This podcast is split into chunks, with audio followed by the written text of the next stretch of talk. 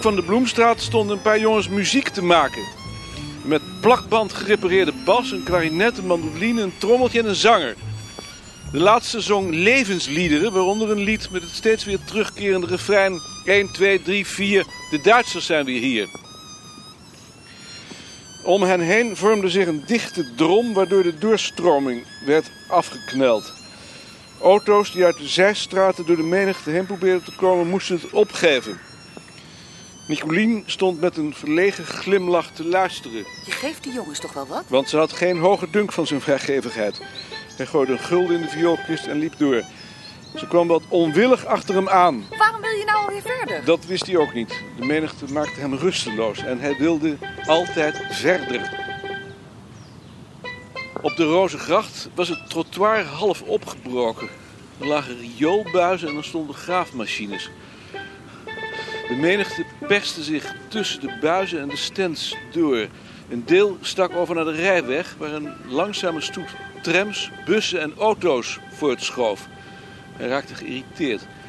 Hij ging in de gleuf langs de rijweg lopen in het zand. Dat irriteerde haar weer. Ze bleef in de voortschuifelende menigte staan en riep boos dat hij terug moest komen. In het lawaai en de schallende muziek gingen haar woorden half verloren.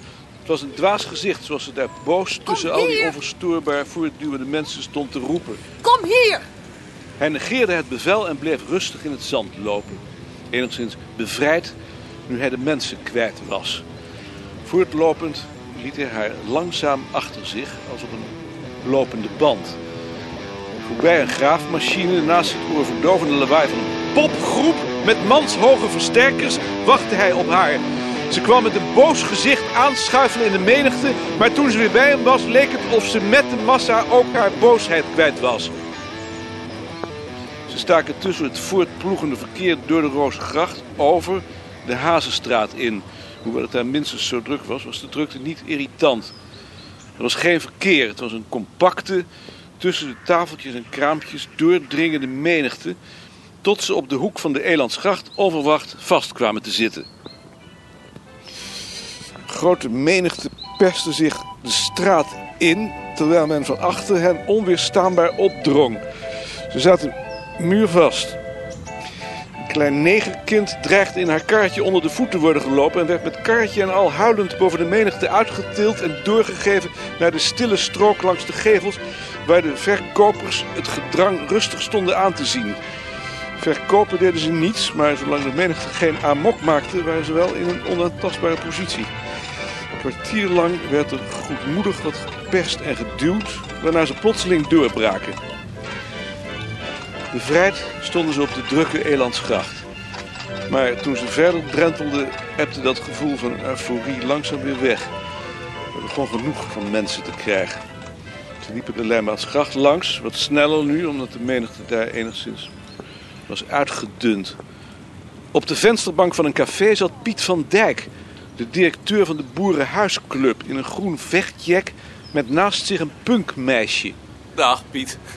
Dag Maarten. Wie is dat? De directeur en het lid van het dagelijks bestuur dat erop moest toezien dat hij zijn functie naar behoren vervulde, groeten elkaar. Door de Marnixstraat, aan de overkant van het water, trok eenzelfde menigte verspreid over de hele breedte van de rijweg met hen op naar het Leidseplein. Ze draaiden de Leidse kade op en bereikten het stampvolle terras van Americain, bezet door een ordeloze troep gezeten lieden tussen voorbijtrekkende mensen en spelende muzikanten, uitgesloten om daar een plaats te vinden. Hij wilde ook helemaal geen plaats meer hebben en bovendien bevielen de gezichten van de mensen die daar zaten niet. Voor de schouwburg stond een meisje dat zich verkleed had als Beatrix de menigte vanaf een klein podium toe te spreken naast een zorgelijke man met een gebogen rug en een donker pak. Ze bleven staan. In het oorverdovende lawaai waren haar woorden moeilijk te verstaan.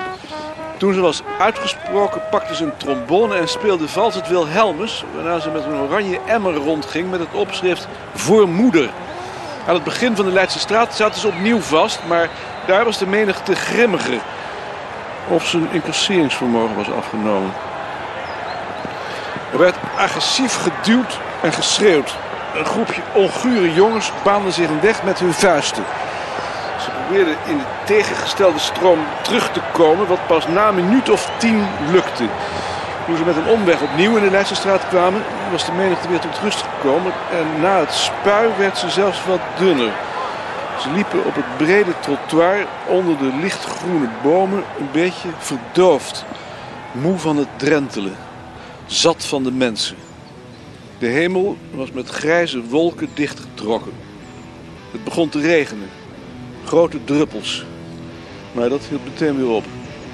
Voor het opengeschoven raam op de eerste verdieping van een kraakpand stond een troep in het zwart geklede jongens en meisjes rond een geweldige geluidbox die harde muziek over de voorburgwal braakte.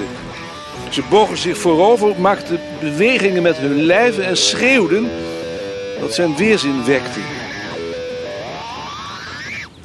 Toen ze met een glas bier bij Scheltema zaten, wekte bijna iedereen die langskwam zijn weerzin. Bijna alle mensen hebben rotkoppen. Ze sprak dat niet tegen. Voor het voormalige gebouw van het Handelsblad hingen in zwart geklede jongens en meisjes rond. De jongens met kaal geschoren hoofden. Ze verveelden zich ostentatief. Het viel hem op dat niemand in de menigte oranje droeg. Vroeger zag je op zo'n dag vooral verkopers van strikjes. Ook dat was voorbij. Hij had het gevoel dat ze het einde der tijden naderden.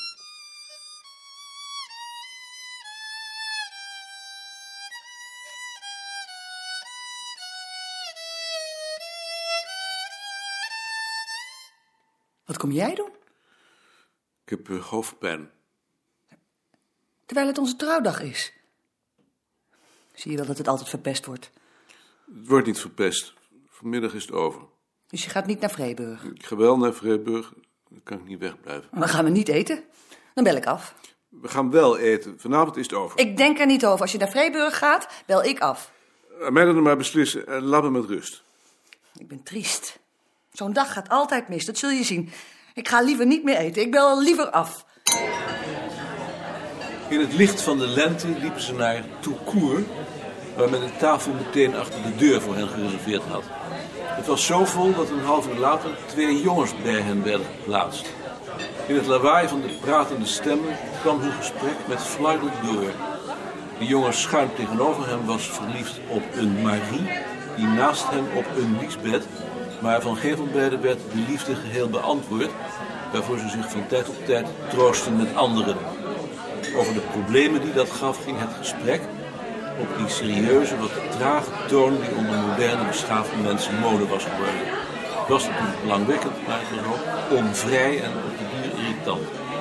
Bovendien was het eten wel erg eenzijdig, de hoeveelheid groot en de wijn matig, zodat hij steeds sterker de behoefte voelde weg te wezen. Hij keek naar Nicolien. Ze had een lief, zachtmoedig, wat verbaasd gezicht, zoals ze dat soms kon hebben. Hij zag dat ze zich naast die jongens niet op haar gemak voelde en hij vond dat aandoenlijk. Vanavond zouden ze geen ruzie krijgen. Ook al waren ze niet helemaal tevreden toen ze om elf uur weer op straat stonden en wat aanmächtig, heel langzaam in de stille avond weer naar huis liepen.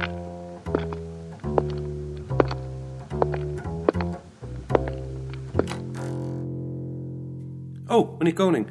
Weet u misschien waar hier de koffie ligt? Dag meneer de Rook. U bent vroeg. Vindt u? Volgens mij zit die koffie in dat kastje. En u weet niet waar de sleutel is? In de la van Wigbold. Pro- Probeert u eens? Ja, dat is hem. En weet u nou ook nog hoe die machine werkt? Nee, maar direct komt goud, die weet het wel.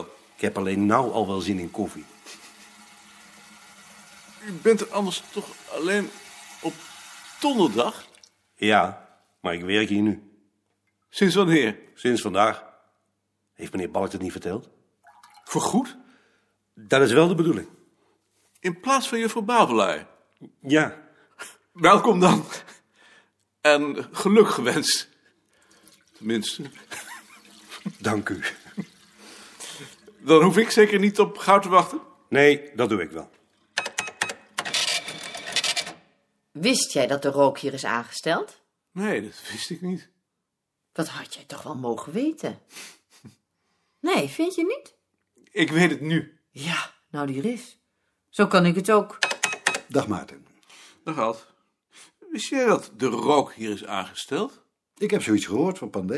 Ik dacht dat jij het wel wist. Hoe zou ik dat weten? Dat zal wel zijn omdat het hoofdbureau meer greep op het bureau wil hebben. Net als toen met Bavelaar. Met Bavelaar? Nou, Die hebben ze toen toch ook tegen de zin van Beerta aangesteld? Heb je zelf nog gezegd in je praatje? Als een soort waakhond. Dat denk ik. Het is niet onmogelijk. Nou, reken maar. Wat doen we met die reactie van Luzak op jouw lezing over de geschiedenis van het vak? In het laatste nummer van het bulletin? Die sturen we rond en dan plaatsen we het. Ja? Ja, natuurlijk, waarom niet? Ik zal hem wel van repliek dienen. Maar het is nodig dat iedereen daar kennis van neemt. Ik vind van wel. Er zullen vast wel mensen zijn die het met hem eens zijn. Hij heeft bovendien het recht om te reageren. Ik denk dat hij er niet op rekent. In essentie is het dezelfde reactie als toen in Enkhuizen. Alleen nog iets onaangenamer. Ik heb er geen moeite mee. Binnenkort moeten we beslissen over zijn subsidieaanvraag. Wordt dat eigenlijk wat? Weet ik niet. Er zijn een paar verdomd goede bij. Maar ik zal mijn best doen. Linksom. Ah, Maarten. Ik had je juist willen spreken. Hebt u een kop koffie, meneer Goud? Ja. Dank u. Ja, ik heb op het ogenblik geen bonnetje. Eh, Rieveld heeft me haar artikel laten lezen. En ik vind het heel goed. Naar mijn mening mogen we dit niet missen. Ik heb haar het ook gezegd. Doe me plezier. En ze heeft het ook aan Freek laten lezen. Die heeft hetzelfde oordeel. We zijn allebei van mening dat we dit beslist moeten plaatsen... en zo mogelijk al in het volgende nummer. Ik zal toch eerst moeten lezen. Ik zie eigenlijk niet in waarom dat nodig is... als twee leden van de redactie er al volledig achter staan. Als we nog langer wachten, lopen we het risico... dat ze het aan een ander tijdschrift aanbiedt. Dat lopen we niet, want daarvoor zou ze toch eerst toestemming moeten vragen. En als ze niet weigert om het jou te laten lezen... voor ze de verzekering heeft dat het wordt geplaatst... Dan wordt het niet geplaatst.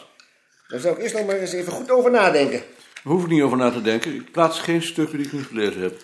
Ik zie trouwens niet in waarom ze mij dat stuk niet zou laten lezen. Omdat ze slechte ervaringen met je heeft.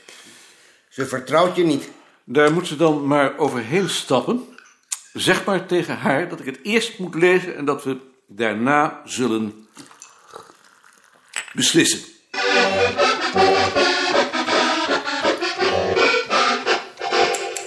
Ad, wist jij dat Rie haar artikel af heeft? Ze heeft me laten lezen, maar ik mocht het niet aan jou vertellen. Hè? Wat vond je ervan? Ik heb hem een kritiek gegeven. Ik vind het zo niet goed. Ze heeft het nu aan Mark en Freek laten lezen en die vinden het wel goed.